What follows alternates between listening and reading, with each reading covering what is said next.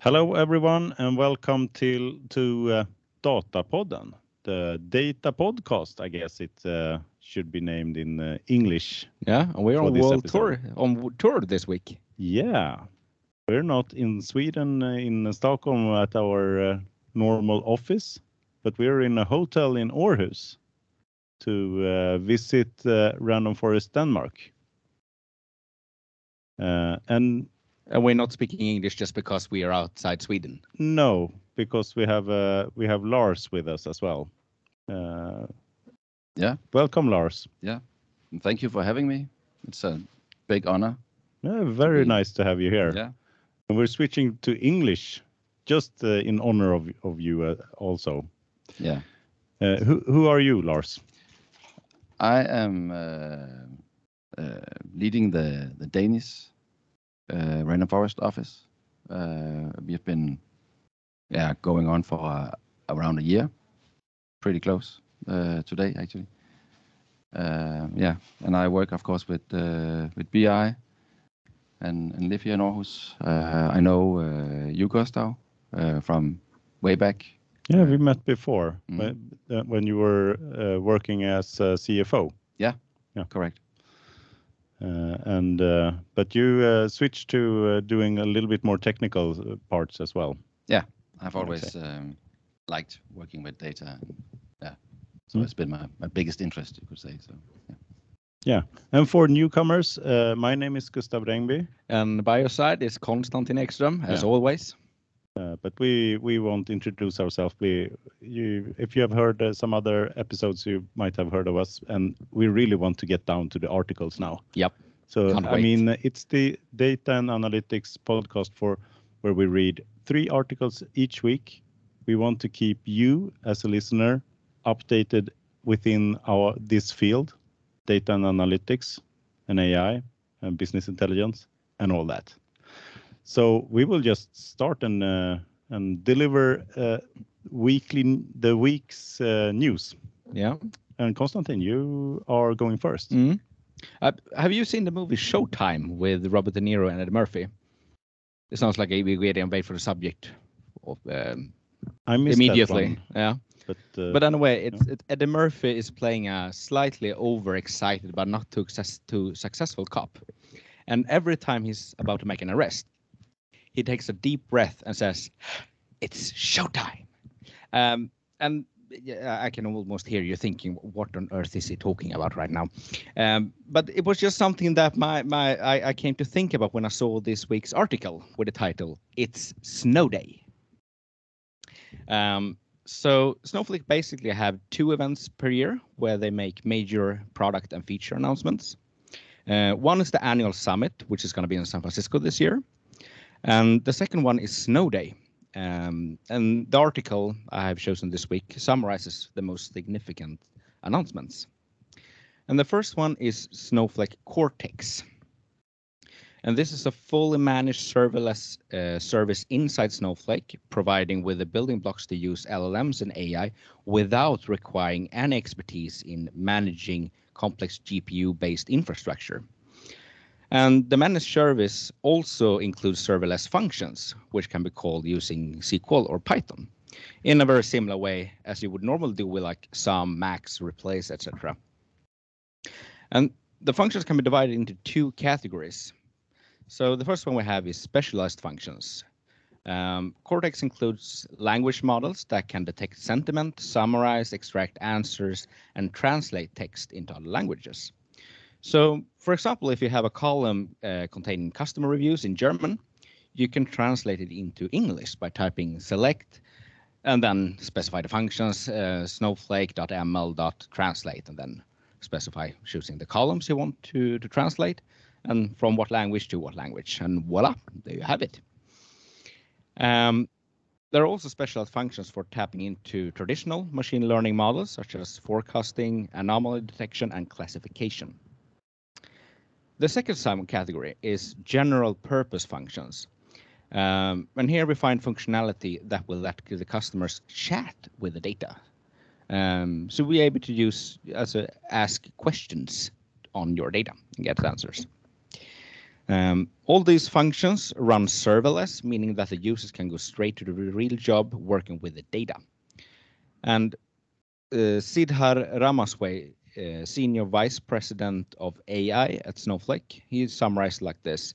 We do the provisioning, we do the development. It looks uh, just like an API, similar to say what OpenAI offers, but it's done within right within Snowflake. So data does not live anywhere, and it comes with the kind of guarantees that our customers want and demand, which is that the data is obviously isolated and is never intermingled with any kind of cross-customer training.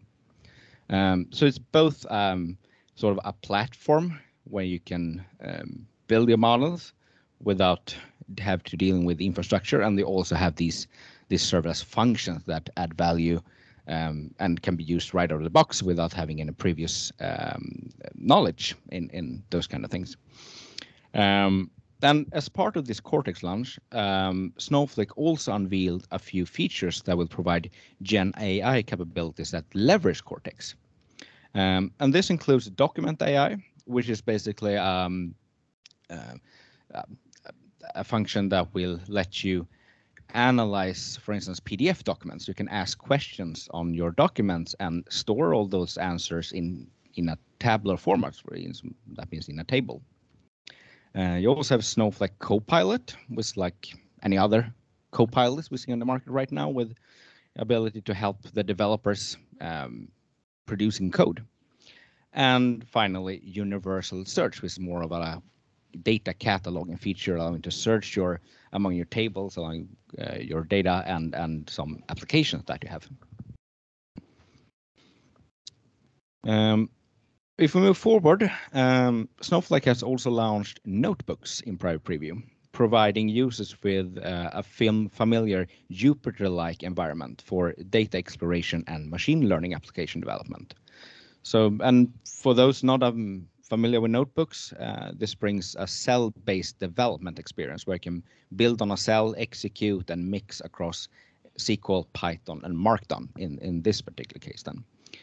Um, you have been able to connect the Snowflake from Jupyter Notebooks previously, uh, for instance, via um, uh, Visual Studio Code, but now you can work natively inside Snowflake. So that's the new thing here. Um, and some other general Snowpark updates. Uh, I could quickly mention that Snowpark is where you interact with your data using code, uh, such as Python, Java, Scala, rather than uh, SQL. Someone explained to me that this is a, a no SQL environment, but you can you can still use um, SQL in some sense. Um, but that's where you build, for instance, machine learning models. Um, and the news here is that we have Snowpark uh, model registry, which was uh, announced, and that would offer uh, cataloging and access to models used across Snowpark including traditional ML and LLM for Gen AI. And also private preview for Snowflake Feature Store uh, was announced, which will provide a repository for ML features. Going forward here, we have uh, Snowflake Horizon, um, and this um, it is Snowflake's offering for automating data governance tasks such as compliance, security, privacy, interoperability, and access capabilities in Snowflake's cloud. And if you go down and look at the the components here, we have uh, within within data we have data quality monitoring enables which enables customers to measure and record data quality metrics for reporting and debugging as well as data lineage, providing a visual representation of, of your, your data flows.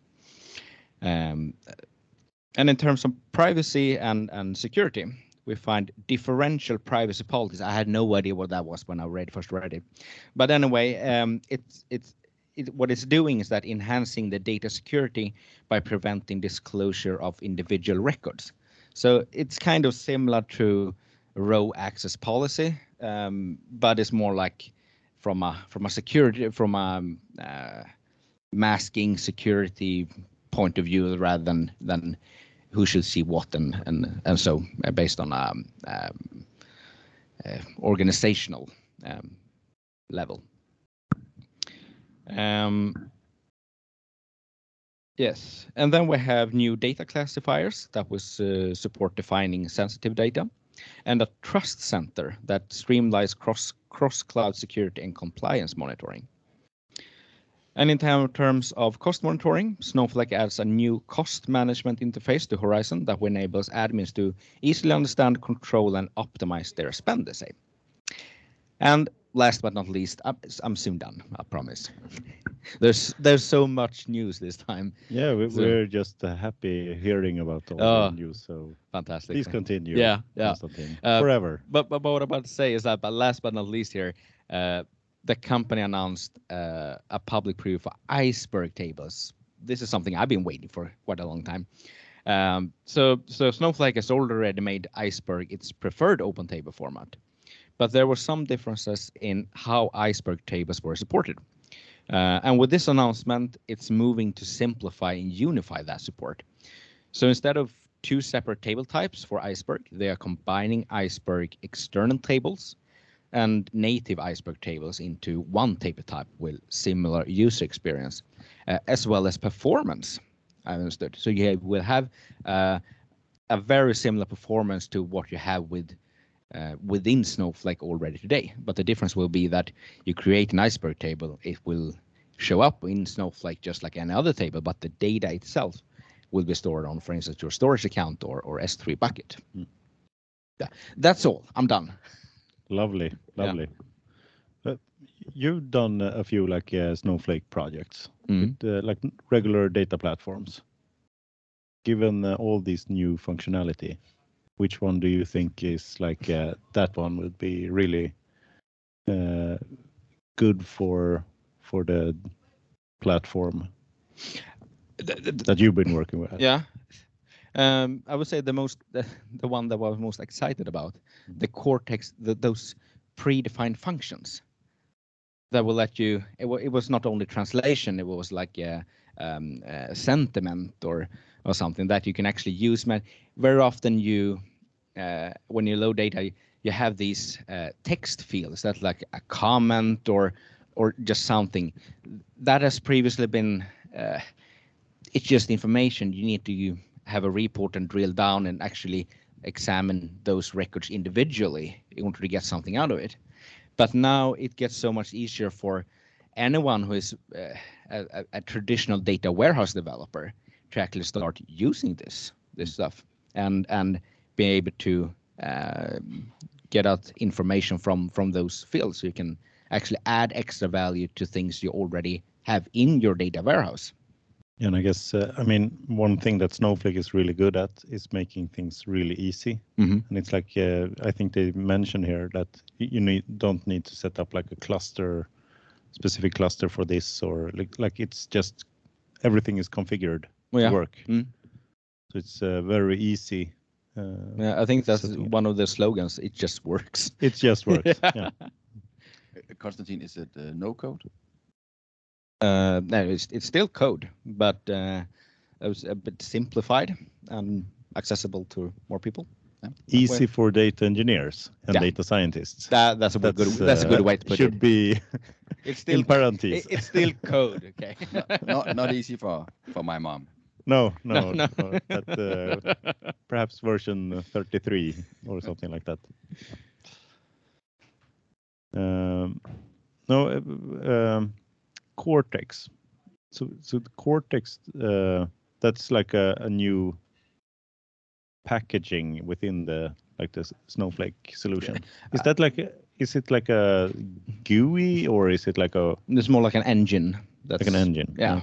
So it's nothing visual like like Streamlit. There we Yeah. have an actual tab, a button saying Streamlit, and where you can Yeah. create um, reports and so. So you get to the like all these new Cortex functions is through the regular like uh, graphical user interface that Yeah, exactly. I've seen an example where they were using these new notebooks Yeah. and calling these uh, serverless functions. Yeah. Uh, so you can you could use them anywhere in in the application. What's the difference then? Uh, like the Snowflake notebooks now, because you have had like Snowpark, Mm. but that's not uh, notebooks. It's uh, just Yeah. scripts, or what, what? What's the difference?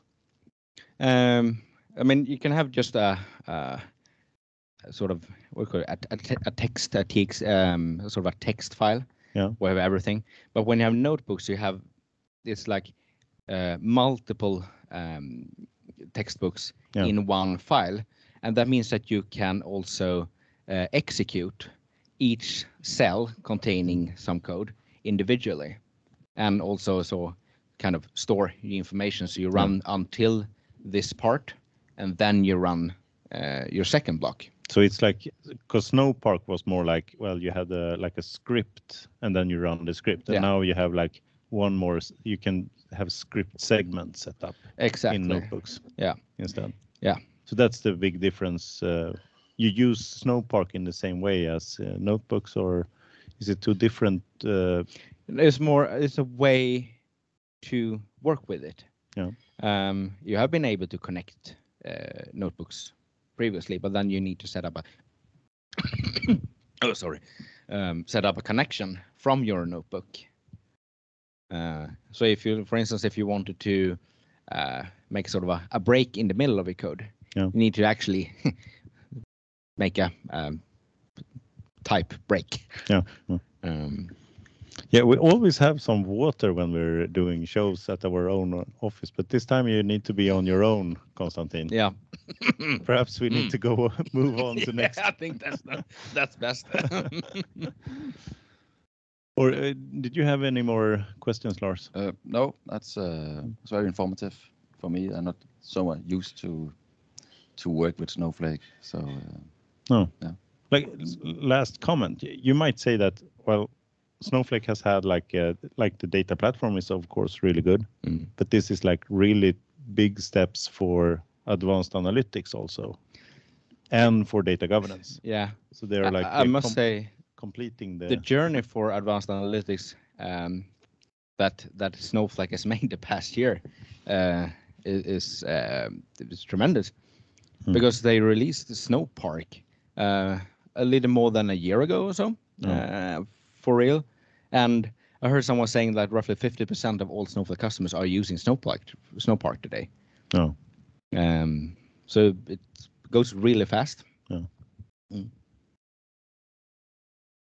Yeah, that's uh, really cool. Mhm. Shall we move on with Yeah. uh, Lars? You have an article, yeah, I have an article, uh, but maybe uh, an since I- article and a YouTube and video. a YouTube video. Yeah. You know, don't make it too complex. If you can't read, you can always Yeah, you can watch a video. Yeah, that's good. Yeah. that's good. So uh, yeah, so that's uh, my my background material. Uh, I want to talk about uh, visual calculations. As uh, as uh, Power BI users, especially maybe new users, uh, know uh, there's a kind of a, a steep but also difficult learning curve, uh, and the main reason for that is uh, the programming language DAX as one of the DAX gurus, Alberto Ferrari, said, DAX is simple, but not easy. And that is very true. Um, the, the main reason that uh, DAX is, uh, is complicated is, uh, is because of a concept called the filter context, um, which you could say is, is a set of filters that are applied when a DAX measure is being evaluated. Filters can come from slicers in the report. It can be external report filters. It can be table relationships. It can also be um, activated through user interaction. Uh, so therefore, you could say the, the DAX programmer needs to have a very, you could say, a defensive mindset when building DAX code because he has to think about all uh, sorts of cases can, that can go wrong with his uh, DAX coding. Uh, so that's that's uh, the main reason why DAX is difficult. Um, actually, back in 2020, uh, again Alberto Ferrari and his good old pal Marco Russo uh, did a proposal for visual calculations. Just they, they wrote a paper uh, and they described it could be nice if the users could actually do some kind of a DAX inside the visuals uh, instead of writing this uh, DAX that would uh, have to take all kind of filter context into concern. Um, so now, three years later, uh, and I don't know how how much influence uh, that article has had, but uh, three years later, we now have a release plan for Power BI that says that we will uh, have visual calculations uh, uh, in March 24. Uh, it won't be general available, but it, at least it should uh, come out in preview. Uh, so what is said in uh, in the Microsoft document is visual calculations allow users to create new calculations from a table of data using gestures similar to Excel. Feature details. Visual calculations allow users to build new calculations from any visual inside Power BI using an Excel grid-like interface. They allow users to use a grid to express the new formula and allows reference to paste cells in order to derive a calculation. Most users today struggle to write and create DAX calculations of this nature. For example, running totals. In Excel, a user would simply reference the previous value from the cell. With these new visual calculation abilities, users would be able to leverage previous values, easily allowing them to build very complex formulas very quickly. So that is all the, the what we know from Microsoft. But it sounds really good. I mean, running totals has been quite hard in uh, in Power BI. Yeah. you might say. Yeah, I agree. If, if you know how to do it, it's easy, but still you have to. But it's You know, for the experts. Yeah, you could say it for the experts. So but is- in, it's it's still you have to take the filter context into concern. Yeah. So it has been like, uh, uh, I mean, the idea is that uh, line of business should be able to build their own reports as much as possible. But then you get to the running total, and then you need a Power BI expert. Yeah. And now the threshold will go down, I guess. Exactly. So, um, but I think I think we will delve into that just in in a second, No, no, uh, because now I- I'm going too fast here. Yeah, you're going Yeah, a little no, too fast. sorry, sorry. Yeah, it's okay. We are a little slow here uh, in Denmark. Um, Sorry. no, we. I- think because this what I read read uh, just before. That is what Microsoft tells us. Mm. Uh, then a video came out uh, last month, uh, 12th of October, uh, where a Microsoft senior manager explains and actually demos the product. Uh, and so that's actually pretty. It's a more than an hour, pretty detailed around what will come out in in at least the first uh, release.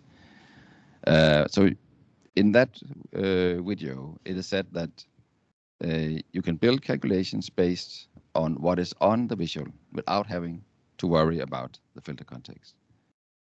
And you will actually be able to to uh, write and also read the. It's still kind of a DAX statement, uh, but with minimal typing and what I like, point and click, Mm. no code. Uh, even though maybe I would actually prefer to to write it, but if if, if people come from an Excel world, they are maybe used to point and click and to point to one cell and use that. Uh, so that is what you will be able to do. So the idea is is uh, you could say what you see is what you get. Mm. So you have a certain visual. It could be everything. It could be uh, a bar chart or a pie chart or whatever. You uh, edit visual calculations, then it opens up. And beneath all visuals, you could say you have uh, columns and rows. Uh, and all the columns you can use in your new calculation. So you can build a new column. So you can take uh, the revenue and uh, subtract um, the costs or whatever, and then you can you can build your own. And all what what you're building, all the calculation stays within that visual.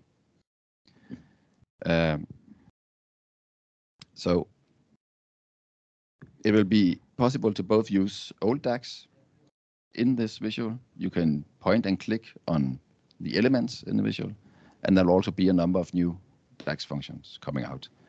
Uh, I think what you could uh, refer to, for example, as the Windows functions, where you can refer to previous and next and and and, and stuff like that. which makes good sense if you're looking at a table in front of you uh, instead of uh, a data model.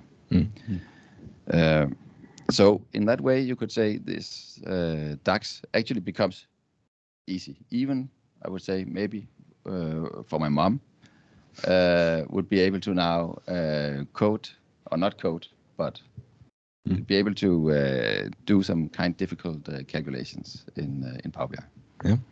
Uh, and that is of course nice. And actually, what also I also realized when I saw the video is that it is supposed to also be for the end user. So the end user, while he is using the report, he will go in and he will be able to to change visual calculations and add new visual calculations.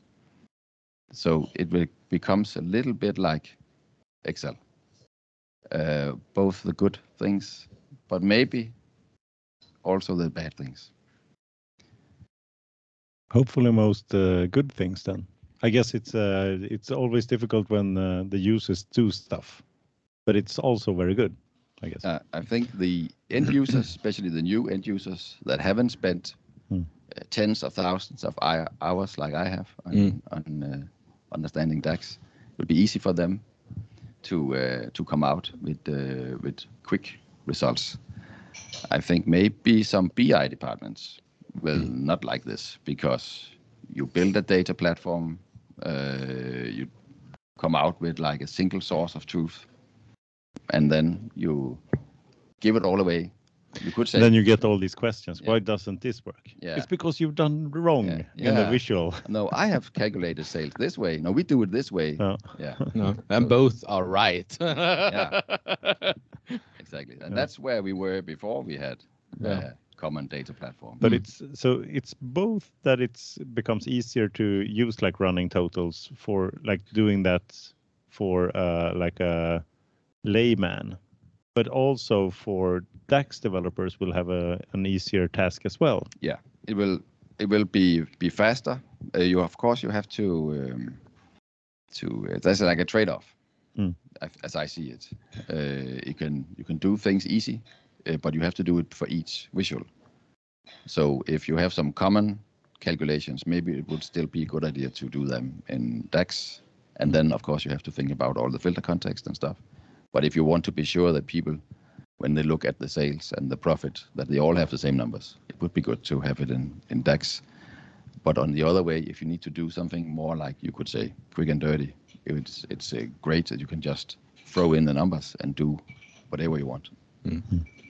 Do we know anything about when Yeah. this is gonna happen? Uh, not about general availability, but it should be in a preview in uh, March next year. Oh, okay. Yeah. Uh, and they might say it will come out earlier. And since it is, they are already demoing uh, some of it, it's uh, likely, I think. Yeah. Hmm. So maybe we can expect expect it to be public available in, within a year. Yeah, Yeah. definitely. I Hopefully. would say so. Yeah. Probably, we, I would. I don't know. I guess in before summer, I would guess. Yeah, it's going to be interesting to Mm. see.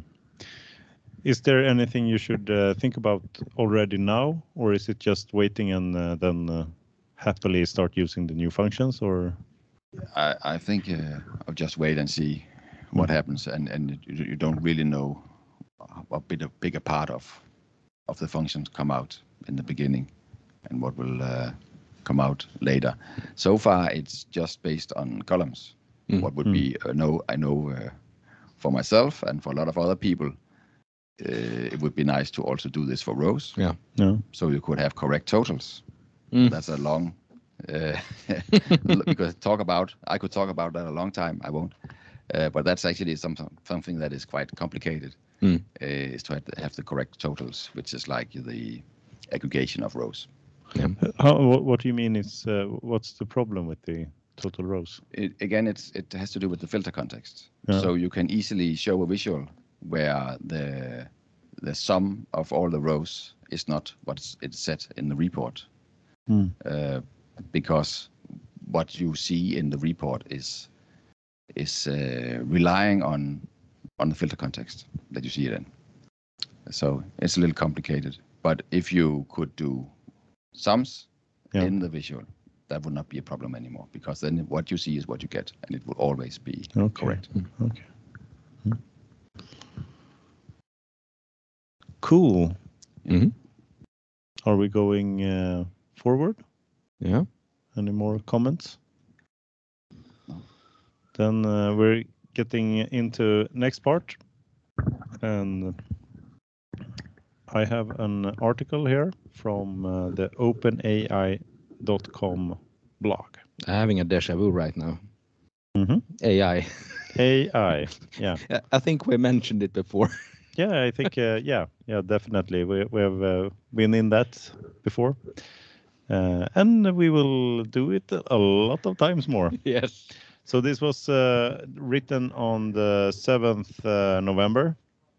The headline is "New Models and Developer Products Announced at Dev Day." So OpenAI has had something they call a Dev Day, and uh, now we can uh, hear about the, what they have uh, come up with uh, the last release. And they say they have three big changes. New GPT-4 Turbo, Turbo model, new Assistants API, new multimodal capabilities in the platform. I'm going to go through uh, a little bit on all these three we thought it's uh, interesting. I, I don't think we have had uh, like uh, uh, open AI blog uh, articles before, but we thought it uh, it is interesting because OpenAI is a little bit of a leader here, and uh, I think uh, the other ones will join in and uh, and use it, or it will be available in in in the tooling of all everyone at a later date as well or directly if you're using OpenAI, of course. Okay, so uh, all this new functionality will roll out uh, starting from the 7th of November, actually. But it, they have a like each thing is going in in uh, its own course, so it's not everything is available directly. But they start here uh, with the biggest thing here, the GPT-4 Turbo model. We, re- we released the first version of GPT-4 in March, they say, and it made uh, GPT-4 generally available to all developers in July. And now they're launching the preview of the next generation of this model. And they say that uh, GPT-4 Turbo is more capable and has knowledge of world events up to April 2023. I think it was 2021 before, right? Yeah, that's right. That's right. and it has a 128k context window. And they say here it's the equivalent of 300 pages of text in a single prompt.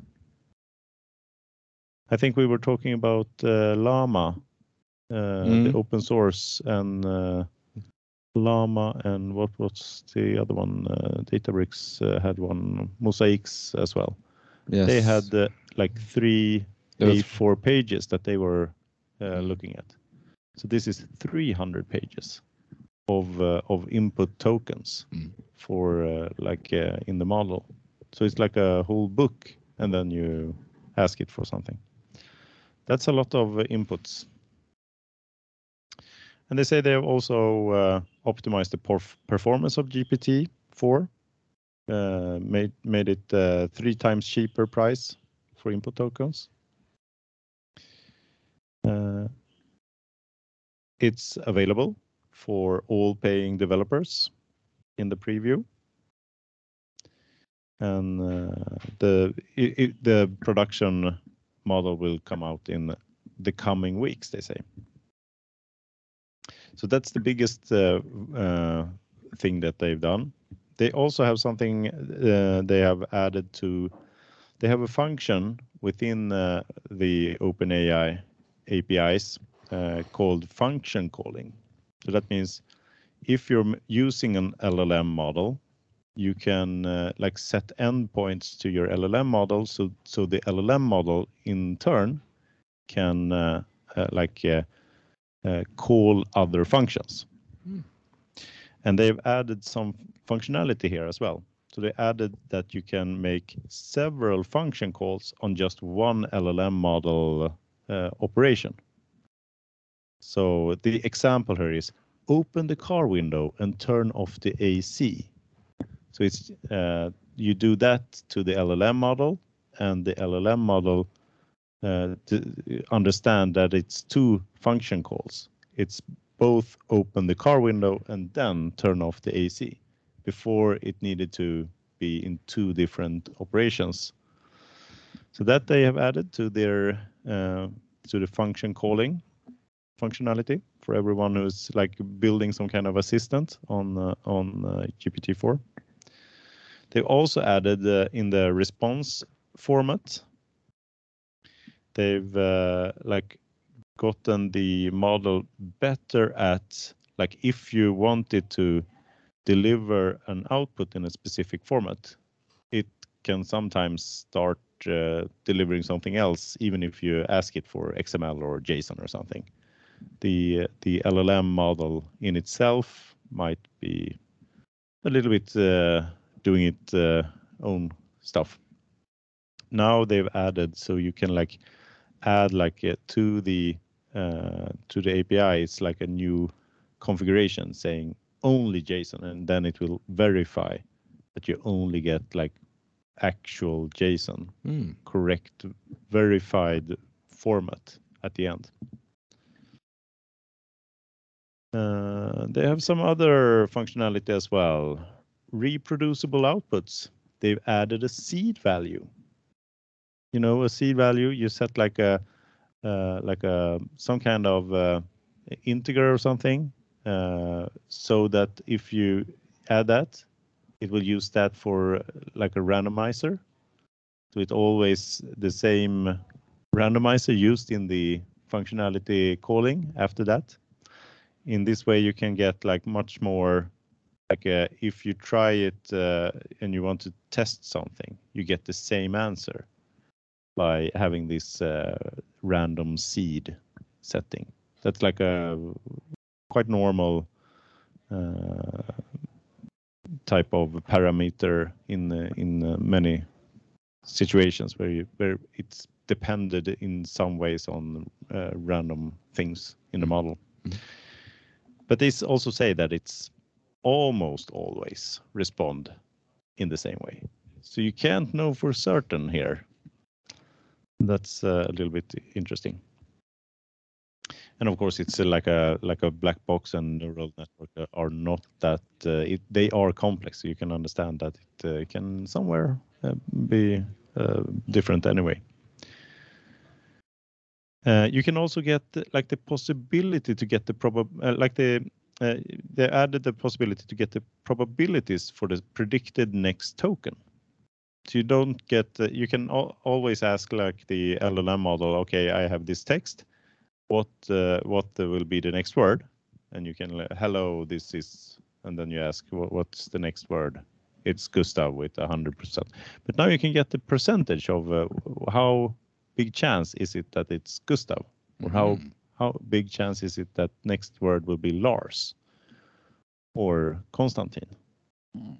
So you can get like the the number of words that are mostly common after that kind of uh, meaning. Mm.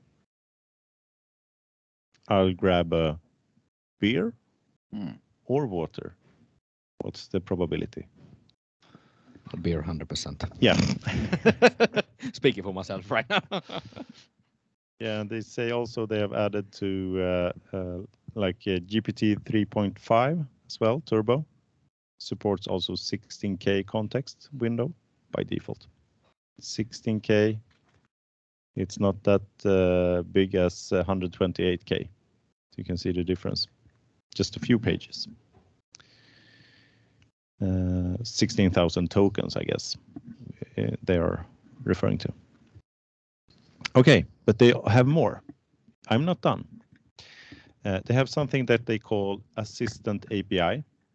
So this is a new API that helps developers uh, that want to create their own specific chatbots. So it, they made it much easier to make uh, your own chatbot from uh, from GPT.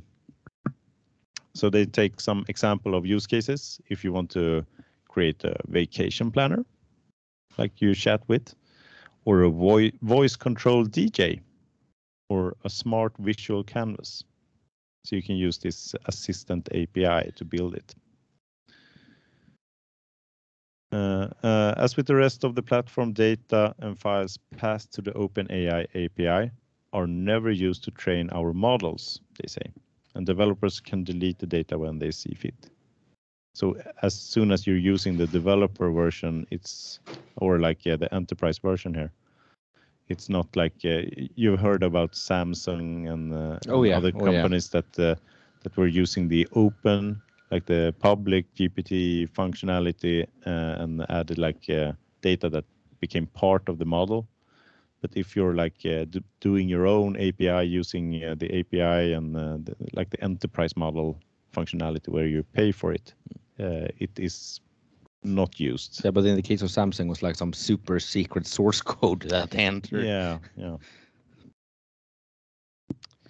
Yeah, and uh, the the assistant API, they say that it also works with uh, their uh, like other functionality, and they have a list here. The code interpreter, I think that was in uh, news uh, not that uh, long ago, Mm. Where they you have like a the possibility to it you can write or like the LLM model can write Python code and run it in a sandbox within like the like, uh, that's part of the functionality. So you so you can get uh, get your uh, LLM model uh, do this kind of uh, Python uh, functionality, and then it runs, and then you can get like visuals of that. So it uh, if that's a part of it, like uh, get a visual of a diagram of this and that. You can also use the retrieval functionality here from. Uh, retrieval is that the functionality of getting like uh, uh, knowledge from outside of the model. So that's like uh, the normal functionality of a chatbot. Like you want to add your own documents uh, and and use that for for like uh, answering questions. Uh, so so re- retrieval and function calling will also be a part of the assistant API. So the function calling where they had added this uh, new functionality. Okay, uh, some other parts here, the modalities that they call it. Uh, so GPT-4 Turbo will come with the vision function functionality. Uh, so you can uh, you you can uh, uh, get out uh, like uh, uh, uh, like uh, pictures. I think that they're using DALL-E Mm. for for that part. Also, uh, you can have images as input to the chat. Uh, so so you can uh, add some uh, if you have uh, not just text, you you will be able to add images as well. And uh, also they have new like possibility to just add also and integrate DALL-E 3, they say. The third version of that DALL-E. That, DALL-E is a image uh, uh, generating fun- function, AI uh, generative uh, function. Uh, used uh, open source, I think, I'd say. Was, wasn't it uh, Google that uh, created DALL-E? Isn't that OpenAI as well? Yeah, yeah, I think so too. Yeah, yeah, yeah. Also, they've added uh, text to speech. So you can, uh, like, uh, the- the- as they describe it, developers can now generate human quality speech from text via the text to speech API. And they have in this new model, they have six preset voices to choose from. So it's uh, a number of different, like uh, male voice, women voice, and with different uh, types of, uh, of speech. Uh, very, uh, they have in the in the article you can try it, and it works really great. So it's perfectly. Uh, uh, it's- the- it works very well. Yeah. So it um, from text. Wh- wh- What about the Danish letters? A, Ö, and O. Yeah, that's a good question. Let me. Uh, I think it will come, but uh, in uh, version DAL DAL E 10. Yeah. DAL E 10. Oh, let, let me write that down. GPT 35. So we're on GPT 4 now, but uh, GPT 35 then. Okay. then it will. No, I don't know. Uh, no, I, I guess it. Uh, the, I, I think uh, Swedish uh, letters. It it can it uh, it does work with uh, Swedish in all. I guess you can chat with uh, in Danish as well with. Uh, yes, you can chat. yeah. I think the uh, text to speech, if it was. Ah, right, right. Yeah. Swedish or Danish. yeah that's probably i mean uh, uh, i don't know if that even works with uh, with uh, swedish that's a good question i think it's english Yeah. actually But it doesn't mean that we can simply submit our, our script to this and then uh, skip the recording part of the podcast. no i don't think uh, they have that good voices actually and uh, and they can't i mean our The, the bad, correct answer that they, they will never have yeah, they, good they will enough. never have a, like a model that can like uh, understand and, and pronounce this bad english that we have it this is like priceless so it's uh, uh, that's probably we're fine Yeah. we're fine Our serious podcast became a comedy. yeah so, so for version 10, it's now with uh, seven more accents. Uh, yeah yeah exactly. Yeah i guess we we need to learn some more bad english Yeah. accents yeah. Uh, no, an interesting thing here. uh, When I was reading about the function calling, it does uh, say in the API uh, reference API in the, on the OpenAI, they say uh, in a small like uh, added note, it says like, well, okay, and of course you can, when you set up like the, this function calling, you will be able to have parameterization parameterization as well. Uh, and in a small note, it says the model may hallucinate parameters. Oh my so, god. Wow. so it's, I guess it's not. Uh, it should be like you can make a like a, your own voice DJ, but you shouldn't uh, do like uh, uh, driving your car or Mm. or uh, yeah, I don't know. It's uh, it, you can still get some hallucination, I guess. Mm, mm. So it means it sees things that are not there. Yeah, and it starts like uh, I guess it's uh, uh, just adding the its own idea of uh, like w- what should be parameters into this function calling. Yeah. So it can like if you have set it to uh, I want uh, um, like black paint on the canvas and uh, black is the parameter and then it's just starts setting blue and Mm. yellow and Makes red because Yeah. because it likes it. Yeah. Uh, turn down the AC, it opens a window. yeah, yeah. yeah, that might be like a like a, some kind of uh moral uh, like uh, hallucination. No, you you you shouldn't uh, waste AC. that costs too much electricity. well, um, no, I um, I mean uh, it's really interesting. I think the assistant API is really interesting Hmm? of these, and of course the like the the GPT-4, uh, the the vast number of uh, tokens that Mm. goes into that Mm. uh, is really impressive. Mm. Uh, But something I've been thinking about the whole time here when you were presented is the naming turbo.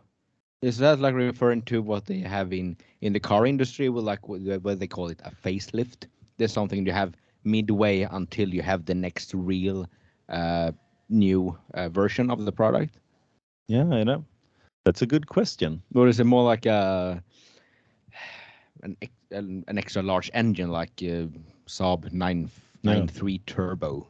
Yeah, Uh, it's uh, like uh, it's reusing a word that has not been uh, around for quite uh, some time. I, I guess no, apart from TurboTax, but but that's part of the name. TurboTax. TurboTax, some What, what's that?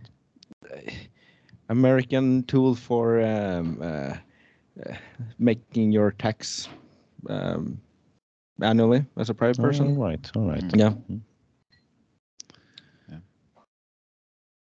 Yeah. Cool. Why, why I brought that up.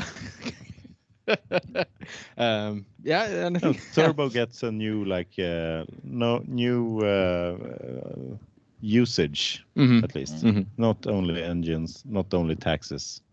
Now it's uh, like uh, algorithms can be turbo as Yeah, well. so extra speed or something, extra power.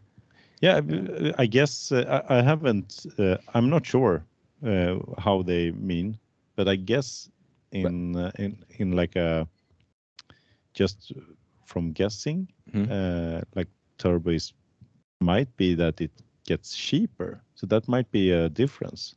Cheaper. Yeah, it's like a, a version, a better version of GPT, Uh-huh. but but they say that uh, like uh, when they make a better version of it, it's like cutting corners on uh, on how much it costs. Yeah, because you pay for the for the time it's running. Yeah, Mm. So it- then it is more powerful then. But can it Yeah, have, but can it have something to do with the extra pages that those 300 pages that you could use? yeah, perhaps, perhaps. I, I guess we need to uh, look into the difference between the GPT-4 and the GPT-4 Turbo. Yeah. I think there actually was one uh, GPT 3.5 turbo. I think I mentioned that last time that well that uh, Gunnebo worked with that one first Ah, when they started. Uh, but but will that be then both editions? You can both have the GPT-4 and Yeah, or you could choose GPT-4 yeah. I, I think Turbo. Oh, that's a good question. I, I, we're just making questions. We're, we're not answering anything here. But that, that's I would true. say it as usual. yeah.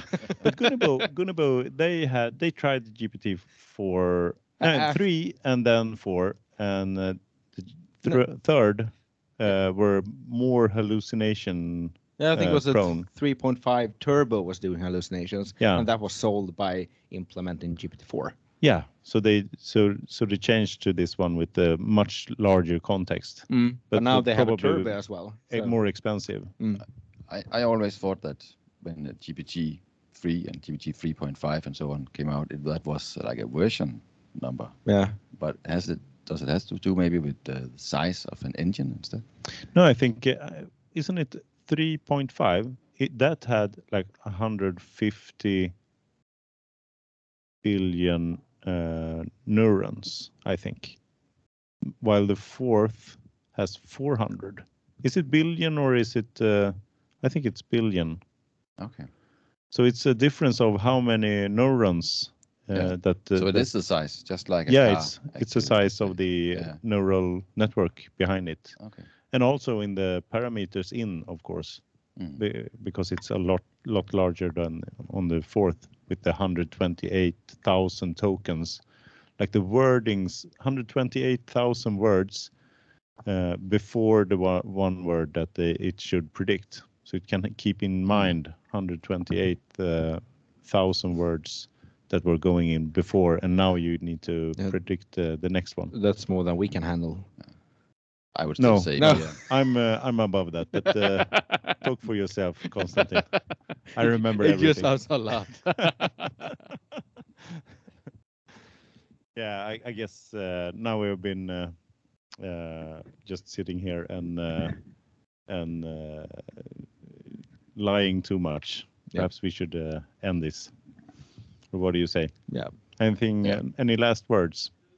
No, I think it's about time. I, I actually I did think when uh, both both of your um, uh, the, the both articles you talked about and and mine, it's uh, it's like everything is around making things easier. Mm. Yeah. Uh, and not just better and and faster, but but I think uh, to have things make made so easy that more and more people can can make use of uh, of things. Yeah. It's yeah, And AI. and AI of course. Yeah.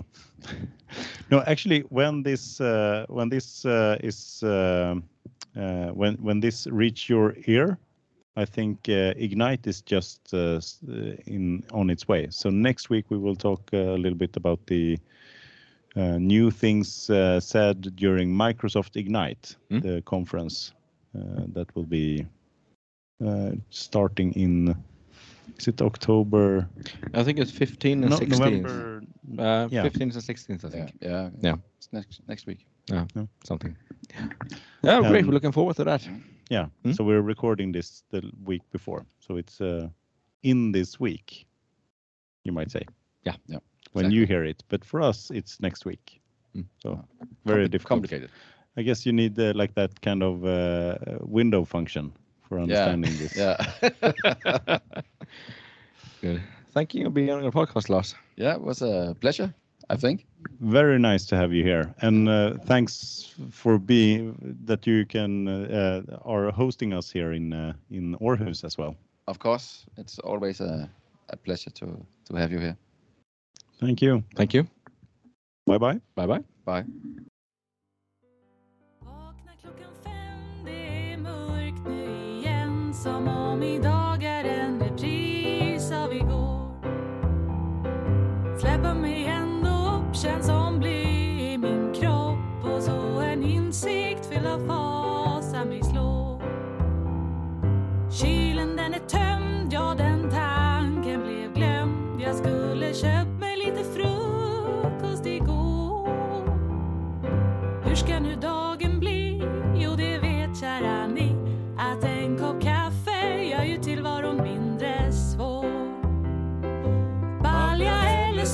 spelar alls ingen